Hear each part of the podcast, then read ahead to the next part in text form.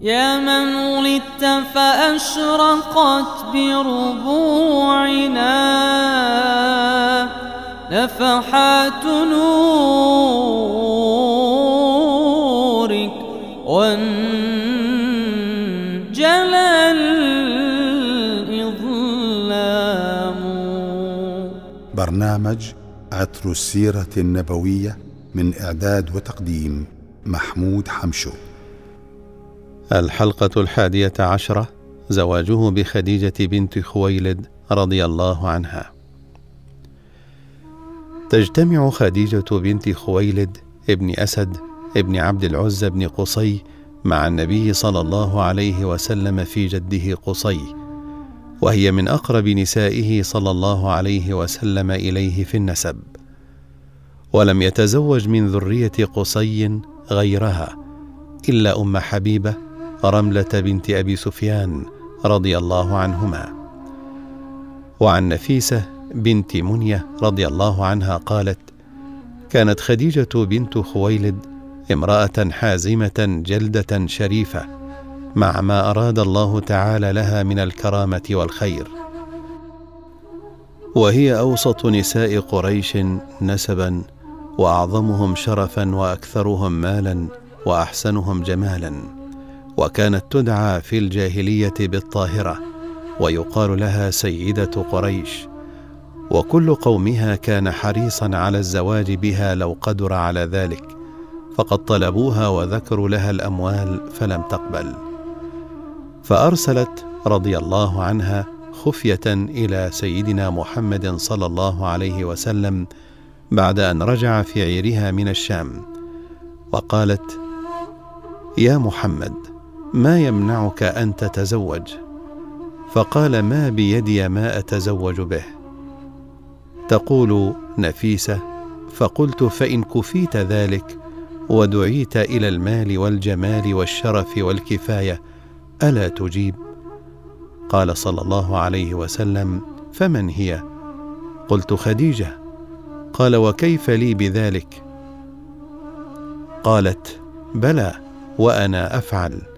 فذهبت فأخبرتها فأرسلت خديجة إليه صلى الله عليه وسلم أن ائت لساعة كذا وكذا وأرسلت إلى عمها عمرو بن أسد ليزوجها فحضر ودخل رسول الله صلى الله عليه وسلم مع عمومته فزوجه أبو طالب وقال في خطبته الحمد لله الذي جعلنا من ذرية إبراهيم وزرع إسماعيل وضؤضؤ معد وعنصر مضر وجعلنا حضنة بيته وسواس حرمه وجعله لنا بيتا محجوجا وحرما آمنا وجعلنا حكام الناس.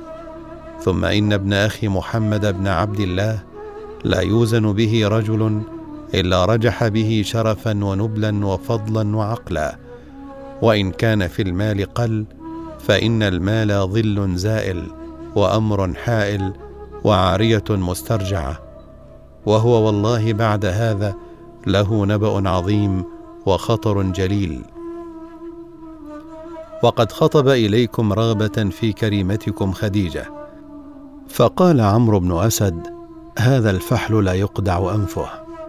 وبعد أن خطب أبو طالب بما تقدم قام ورقة بن نوفل ابن عم خديجة فقال الحمد لله الذي جعلنا كما ذكرت وفضلنا على ما عددت فنحن سادة العرب وقادتها وأنتم أهل ذلك كله لا ينكر العرب فضلكم ولا يرد أحد من الناس فخركم وشرفكم ورغبتنا في الاتصال بحبلكم وشرفكم.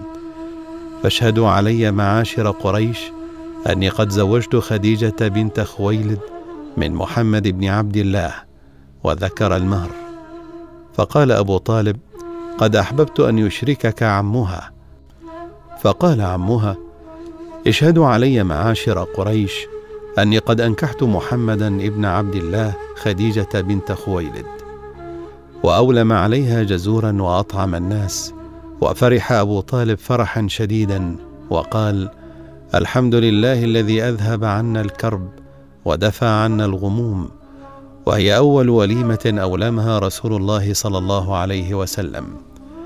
والسبب في عرض خديجة رضي الله تعالى عنها نفسها على رسول الله صلى الله عليه وسلم مع ما أراد الله تعالى بها من الخير ما ذكره ابن إسحاق. قال كان لنساء قريش عيد يجتمعن فيه في المسجد فاجتمعن يوما فجاءهن يهودي وقال يا معشر نساء قريش إنه يوشك أن يكون فيكن نبي قرب وجوده فأيتكن استطاعت أن تكون له فراشا فلتفعل. فحصبته النساء وقبحنه وأغلظن له وغضت خديجة على قوله ووقع ذلك في نفسها. فلما أخبرها ميسرة بما رآه من الآيات وما رأته هي وما قاله لها ورقة لما حدثته بما حدثها به ميسرة قالت إن كان ما قاله اليهودي حقا ما ذاك إلا هذا. أي أنه النبي صلى الله عليه وسلم خاتم الأنبياء. وكان تزوجه صلى الله عليه وسلم بخديجة بعد مجيئه من الشام بشهرين أو خمسة عشر يوما وعمره إذ ذاك خمس وعشرون سنة على ما هو في الصحيح. وتزوجها رسول الله صلى الله عليه وسلم وهي يومئذ بنت أربعين سنة. وقد تزوجت قبله برجلين أولهما عتيق بن عابد فولدت له بنتا اسمها هند وثانيهما أبو هالة واسمه هند فولدت له ولدا اسمه هالة. وولدا اسمه هند. فهو هند ابن هند وكان يقول أنا أكرم الناس أبا وأما وأخا وأختا. أبي رسول الله صلى الله عليه وسلم لأنه زوج أمه وأمي خديجة وأخي القاسم وأختي فاطمة. رضوان الله تبارك وتعالى على آل بيت رسول الله وصلوات ربي وسلامه عليك يا سيدي يا رسول الله. برنامج عطر السيرة النبوية من إعداد وتقديم محمود حمشو.